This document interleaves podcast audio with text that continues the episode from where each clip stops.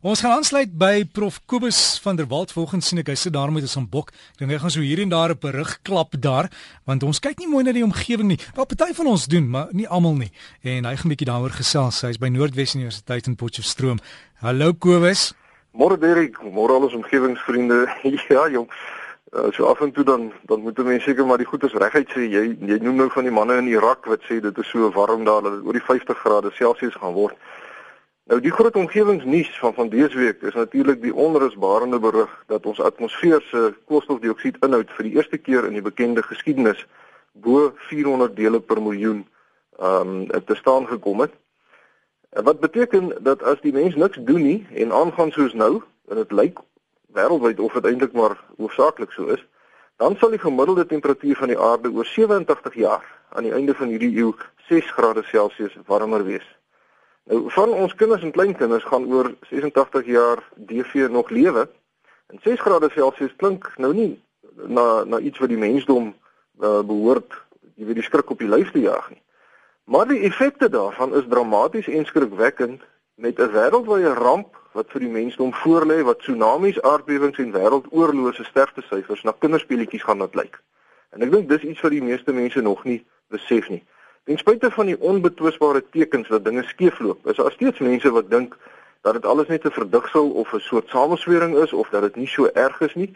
En ehm um, ek dink ek ek moet dit miskien vergelyk met die Gariepdam se wal wat van steenkool gemaak is. En ons is 'n klomp mense wat met klein hamertjies staan en kap aan hierdie steenkool want ons wil die steenkool gebruik om elektrisiteit te maak. En plek plek spuit die water nou al deur krake, maar ons gaan rustig voort om te kap aan hierdie wal ten spyte van mense wat vir ons skree, pas op, kyk hier kom 'n hier, hier kom 'n ramp. Nou 'n hele paar van ons omgewingsvriende het gereageer op my omgewingspraatjie van verlede week waar ek vertel het van Duitsland se merkwaardige vordering om oor te skakel na groen energiebronne.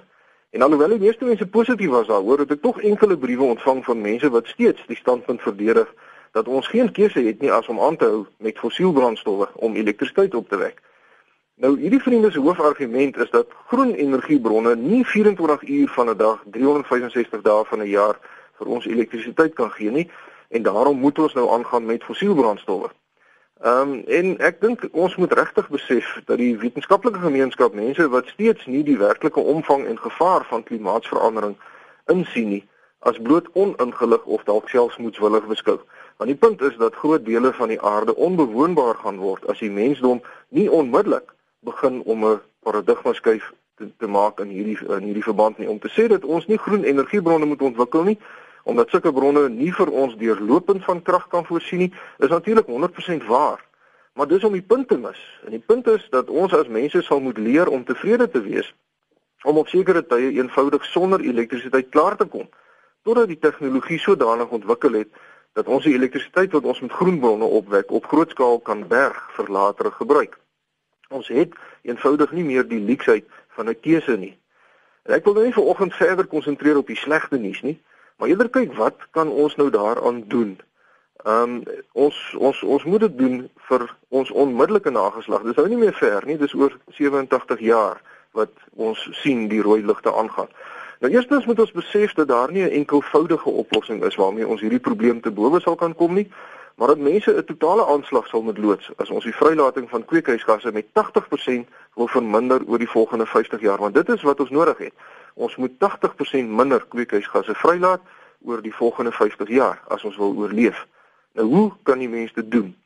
Eerstens sal ons ons energie-effektiwiteit drasties moet opstoot. Dit beteken dat ons die hoeveelheid energie wat ons in ons industrie, huise en geboue gebruik, sal moet verminder deur meer effektief te dink in ons ontwerp en konstruksiestrategieë as ook in ons gebruikstrategieë.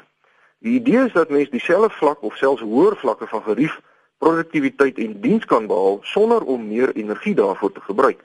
Nou tegnologie om dit reg te kry is legio en dit strek van verbeterde alternatiewe konstruksiemetodes van geboue tot by tegnologieë so songeisers, fotovoltaïese selle, meer brandstofdoeltreffende motors en videokonferensies wat uh, sal behels dat mense minder hoef te reis En dis meer, hierdie goed is maklik en vinnig ontplooibaar op groot skaal en ons kan werklik reuse hoeveelhede energie en geld bespaar. Wat beteken dit was eh, dat dit nou waarskynlik ons eerste fokuspunt sal moet wees. 'n Belangrike deel van hierdie fokus sal die vervoersektor moet wees Want kweekhuisgasse afkomstig van die vervoer van mense en produkte het wêreldwyd die vinnigste gestyg oor die afgelope dekade. Nou ek het al voorheen hieroor gesels in Suid-Afrika spesifiek sal dit beteken dat ons ons spoorweë eenvoudig sal moet laat herleef sodat die tonne en tonne vrag vanaf ons hawens na die binneland eerder per spoor vervoer moet word as op swaar vragmotors soos wat tans die geval is. Nou weet ek 'n paar vragmotor eienaars gaan nou weer vir my vies wees. Um omdat ek dit nou sê, maar vra jouself die vraag af of u huidige finansiële voorspoed swaarder weeg as u kinders en kleinkinders se vermoë om te oorleef. En dan gesels ons weer. 'n Derde fokuspunt sal moet wees om die opwekking van elektrisiteit eenvoudig groener te kry deur die grootskaalse en spoedige ontplooiing van wind- en sonkragaanlegte. Ek herhaal die stelling wat ek aan die begin gemaak het vanoggend, ons sal 'n denkskuif moet maak oor hierdie goed. Dit is waar dat fabrieke en myne byvoorbeeld nie snags sal kan werk as ons heeltemal oorgaan na groen energiebronne toe nie, maar ek dink ons het nou by die punt gekom dat ons onsself moet vra, is dit werklik nodig dat fabrieke en myne snags ook moet werk ter wille van groter winsgrense? Die punt is dat ons omgewing dit nie meer kan bekostig om voort te gaan soos altyd nie. En soos ek genoem het verlede week, het die ontwikkeling van hernubare energiebronne in Duitsland 380 000 nuwe werksgeleenthede geskep oor die afgelope 13 jaar. So as die mense wat dan nie meer in die myne of die fabrieke se nagskofte sal kan werk nie, sal in die hernubare energie sektor gehuisves kan word. Gelyklopend hiermee sal ons fossielbrandstowwe moet uitfaseer en dis nou om krag op te wek en dit geld veral vir die gebruik van steenkool.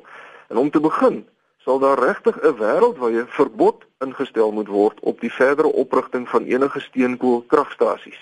En tesame daarmee sal 'n program van stapel gestuur moet word om die bestaande steenkoolkragstasies uit te faseer, beginnende met die oudste en die vuilste kragstasies.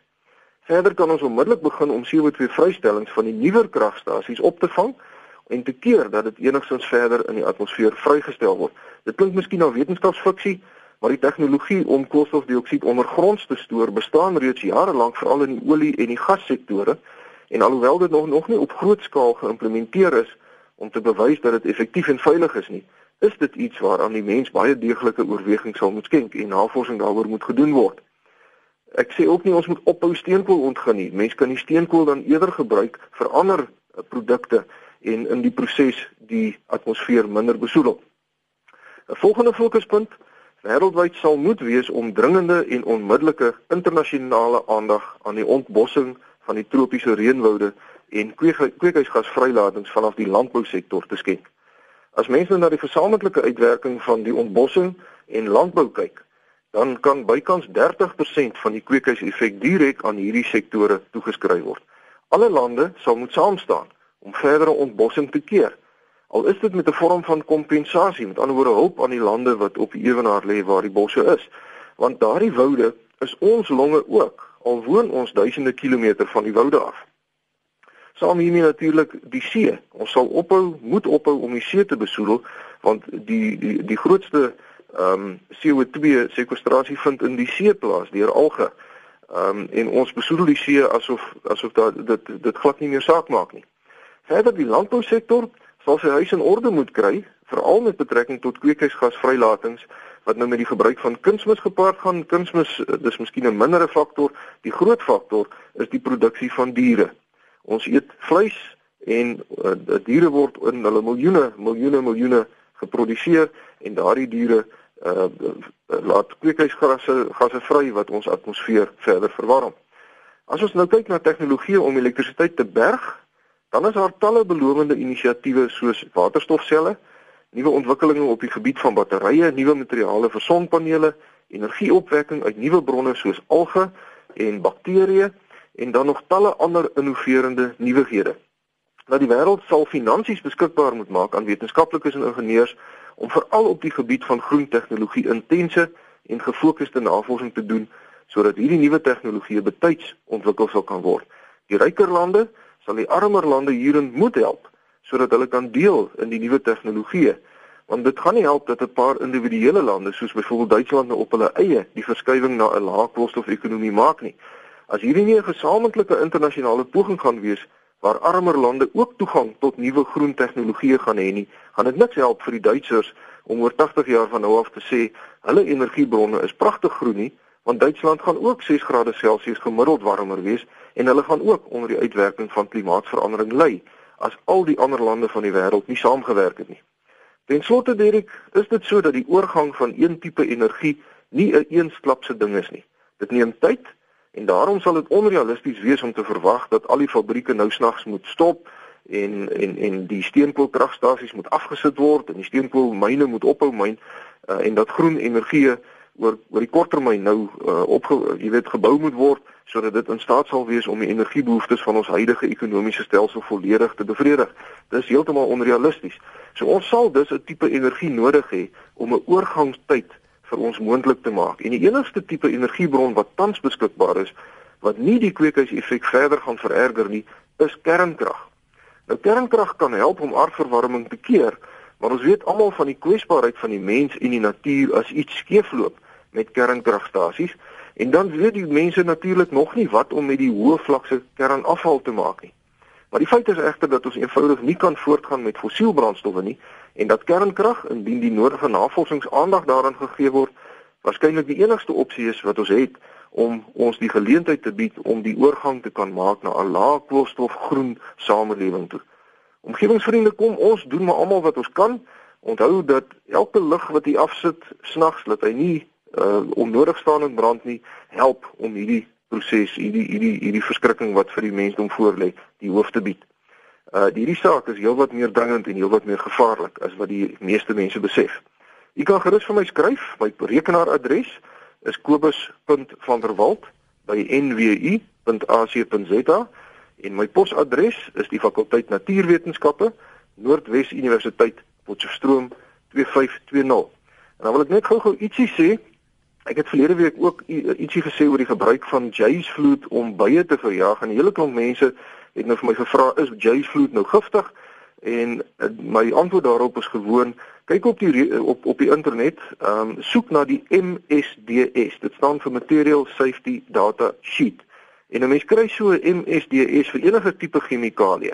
Ehm um, die goed is beskikbaar en lees uh die MSDS, hy gee volledige inligting oor hoe dit geberg moet word, wat se veiligheidsmaatreëls 'n mens moet tref as jy daarmee moet werk en so aan en of dit dan giftig is vir mense en ook vir die omgewing, die MSDS van chemikalieë. Erik, baie hartlike groete vir jou en al ons omgewingsvriende tot 'n volgende keer.